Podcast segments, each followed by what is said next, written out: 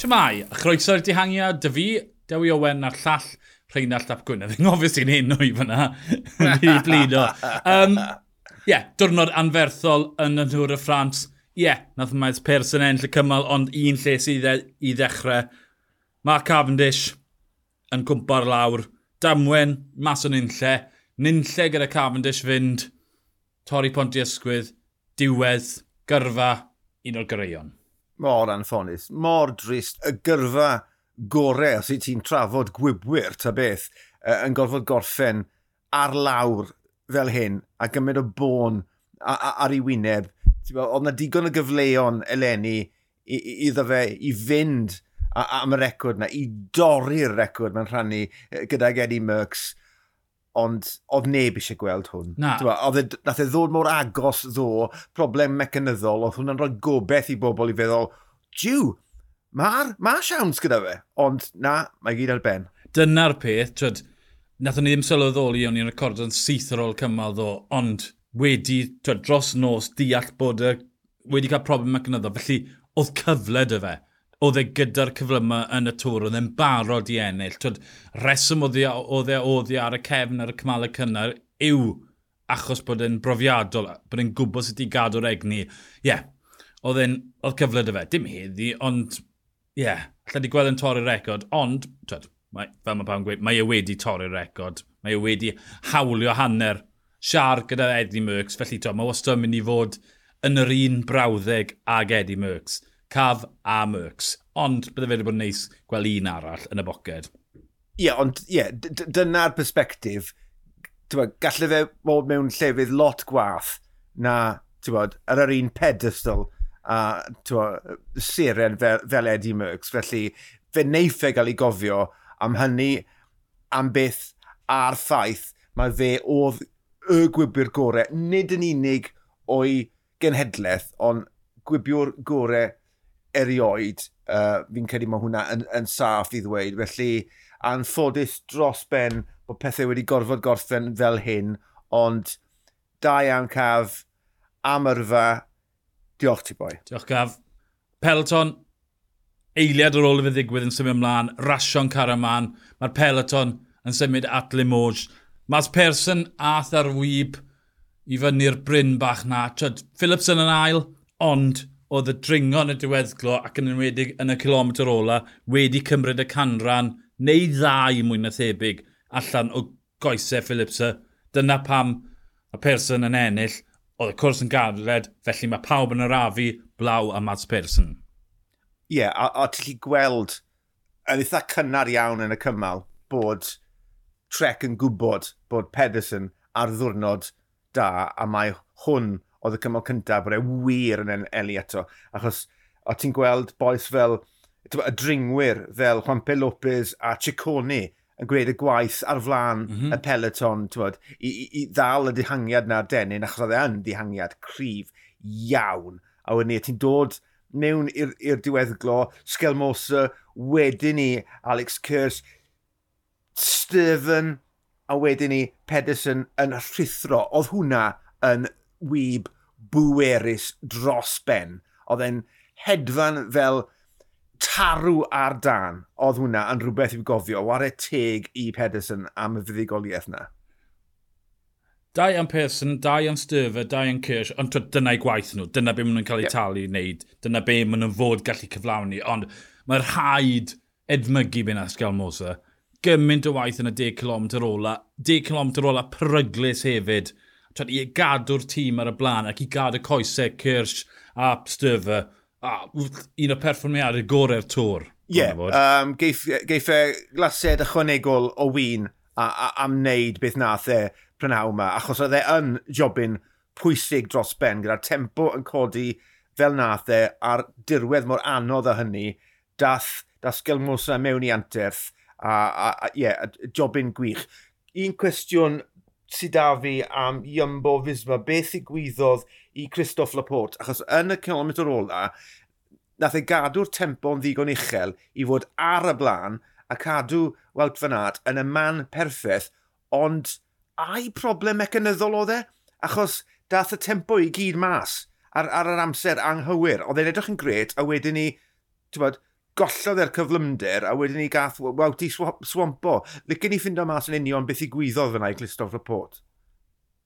Ie, yeah, dwi'n yn gwybod beth o gwyddodd Laporte, ond Matthew van der Pôl, mae yna tri cymal gwybod y bod a tri cymal lle mae yna far cwestiwn am yr hyn nath Alpesyn, ond perfeith rwydd tactego gan Van der Pôl yn cael y drws yng ngwyneb um, waw, fan at. Wout van Aert, Ar fi'n dod allan o sgilwynt person a Matthew van der Pôl yn dod oddi ar yr olwyn dros yr ysgwydd dim unrhyw broblem fynd nes be'n athaf e, mynd yn gyflymach a, ca, a golygu nad oedd Wout Van Aert yn gallu mynd mas ac stadlu am y wyb a dim gobeith fe. Fi'n llwyr ar gyrddiedig, Os byddai'r drws di aros ar agor, byddai Wout Van Aert wedi Wel, mae'r ddoi beth yna wedyn ni yn, yn, yn clymu mewn yn dda gyda'i gilydd, achos dwi'n credu tasau beth bynnag ddigwyddodd i Laporte ddim wedi digwydd, basa'r senario yna ddim wedi digwydd, achos byddai mm -hmm. Wout wedi yeah, bod yeah. yn y man cywir, ond oedd y tempo yna jyst yn mynd o, o gant i ddim byd mewn dim o dro, nath hwnna roi uh, Wout yn anffodus mewn, mewn pickle. Oedd e'n yn gymal da chwarae teg, oedd yr 20 km diwetha yn ddiddorol, digon o droiadau, oedd digon o le i efalle twyd, bod y mysadiadau yn llwyddo, oedd Iwmbor i ceisio ar y dringfa ola, ond twyd, oedd e ddim digon serth. Y digwyddiad mawr arall oedd y damwen lle na Steff Cras, oh my god, oedd yn disgwyl mewn pôn. Twyd, yn disgwyl fel aneb, o'i Steff Cras, gobeithio bod yn iawn. Mae wedi gael y Tôr y Ffrans, ond croesi bysedd bod e'n iawn. Um, ond sgil effaith y ddamwen na, oedd bod Simon Yates a Michael Landa wedi cael ei dal an, dau sy'n ymladd am y podiwm yn Mharis. Colli 47 eiliad, o styried bod nhw'n 6 clom til y fynd, a dda peloton mynd 70 clom til awr. Hwna'n gylyniad o roed i'r ddau na. O ie, ie, yn sicr. Mae ma, ma Simon, right, mae wedi colli ychydig o amser. Mae nawr yn, yn chweched, uh, pedair munud i lawr, ond o styried beth i gwyddodd yn, yn y fan ar lle, gallai pethau wedi bod lot yn wath i Simon Yates. Pwy dy dom fori? Nei! Ti mewn? Na, go. Oh, oh. Sim, un o'n i mewn am pwy dy dom? Na, mi ma. Um, Twyd, look yw e, yn digwydd bod gath ni'n pwy dy dom, ond dwi e ddim cweit yn cymal dringo pyr. Ti wedi sgol ar y y lefel o ddringo, Ti gyrraedd ddringo na 3,600 metr, felly nid y diwrnod Coletta. Does dim dringfa ar ôl dringfa ar ôl dringfa. Bryniau, twyd, hewlydd, trwm, y masif sontral, mae e'n berwi, twyd, mae'r tymerydd awyr 32 grad Celsius, ond oedd e'n lan 37 grad Celsius oherwydd y gres yn dod o ddi ar y tarmac. Lly mae'n mynd i fod yn berwi. Ac mae'r gryddiannau yn serth. Mae'r ma ddringfa'n rhyw 13 km, 7%, 7.7% ar gyfer taledd, ond mae'r 4 km o'r am hell dros 10 y cant. Felly y gres, digon o ddringo a'r graddian y serth. Pogacar yn emyn fingigo penod 3.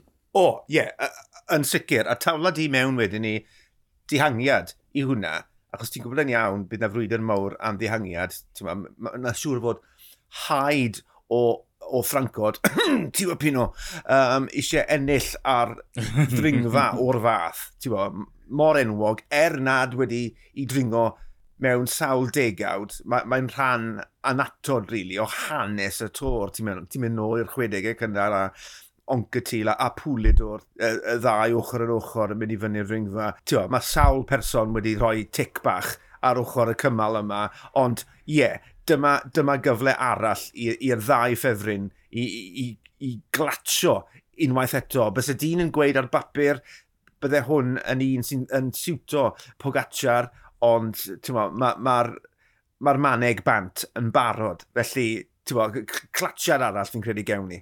Mae e mor dwy'n fori. Mm. Twyd, tymeredd wrth ystyried y tarmac yn y, twyd, yn y dyffryn yn agosach at 40 grad. Bydd ychydig bach oerach i fyny pwyd y dom, ond yn hanesyddol, fi'n gwybod mae hwnna'n siwtio, nid Pogacar. Pogacar arbenigo yn y glaw mae fe. O, oh, Pogacar yn sgwrn gret iddi. Tra bod fi'n gwybod yn, twyd, jyst cael bach o draffaeth i stico gyda'r grŵp. Twyd, yna grŵp pam at pot a fan at i'r blaen, pwy oedd yn rolwyn, Pogacar. Pogacar yn mynd ysgwydd yn ysgwydd yn erbyn Wout fan at. Ti'n gweithio mas bod fi'n meddwl o byd o fe. Mae'n raswr yn dweud. E? Mae'n ma, ma dwlu rasio bikes. Yn, yn sicr. Sylwys so, so i ar hwnna. A, a na i weid o, dwi'n dwi falch iawn, er y bwlch a bod Fingergo wedi ffindio hunan yn, yn yr ail grŵp na, nath ei weithio i ffordd nôl lan. Do, do. Ar ei ben ei hun, a wedyn ni, ath e lan, reit o flan wawt, a Christoph yeah. Laporte. Felly, er wedi colli'r olwyn, nath e wneud y gwaith i ailgysylltu a wedyn ni bod yn rhan o dren o awt. Felly, ma, mae hwnna'n a dangos lot am y berthynas sy'n rhwng Wout a Fingago a'r ffaith bod e'n fodlon torchi llewis i weid diolch uh, ac addalu y gwaith mae ma Wout wedi wneud yn barod a mynd i wneud yn hwyrach yn y ras. Felly, oedd hwnna'n dda i weld. Ni wedi colli y gorau erioed heddi. Mae Cavendish ar lawr 50km o Limoges, ond ni'n gweld y ddau gorau o genhedlaeth fori. Fingigo yn ebyn Pogacar, penod tri, methu aros. Twa be, dwi'm yn gwybod pwy sy'n mynd i lywyrchu fori. Roedd fe'n gret, wir ddim yn gwybod. Does dim un o fel, fel arfer pan mae rhywbeth ffrind, mae ma mol i mynd, na, ti rili really yn credu hwn, ond just sa'n sa mynd yn y gosach at Pogacar neu Fingigo? Na i daflu rhywbeth bach mewn i'r mix. Mae'n yna sôn bod na storom o law ar y gweill a bod e'n mynd i bwrw'r pryd y dom just cyn i'r feicwyr gyrraedd y ras. Felly, gall hwnna fod o fantes i, i Pogacar, ond wedyn ni gallu fe fod fantes i bawb o styried pa mor dwym fydd i ar yr hewl, bydd y glaw yn gostwng y tymheredd rhyw lawer, a falle yn um, helpu ar, ar uh, sefyllfa gyda'r hewl a'r, ar tarmac yn y blaen, ond gewn ni weld, gewn ni weld. Fi'n edrych ar y uh, tymheredd, dros 30 trwy'r dydd yn dringo, agos aed pwyr y dom 33, 34, a wedyn maen nhw'n dechrau dringo. Mae dal 30 a wedyn maen nhw'n bwrw graddiannau serth ar y fel o fywa e, a mae'r hael y newid i law. Felly, os mae storm yn bwrw, pam maen nhw'n dringo, tyd, y llethr serth na sy'n mynd o amgylch y côn a mae'r rheilffordd ar yr ochr, wel, fi'n credu gewn ni lun arall i gofio 60 mlynedd wedi pwylido a gonc y tîl. Ni wedi bod yn aros am hwn am 6 mis, fori, ni'n rasio fyny'r pwyd y dom. Mi wnwch dyn ni wedi cymafori i drafod Pogacar yn ebyn Fingigo.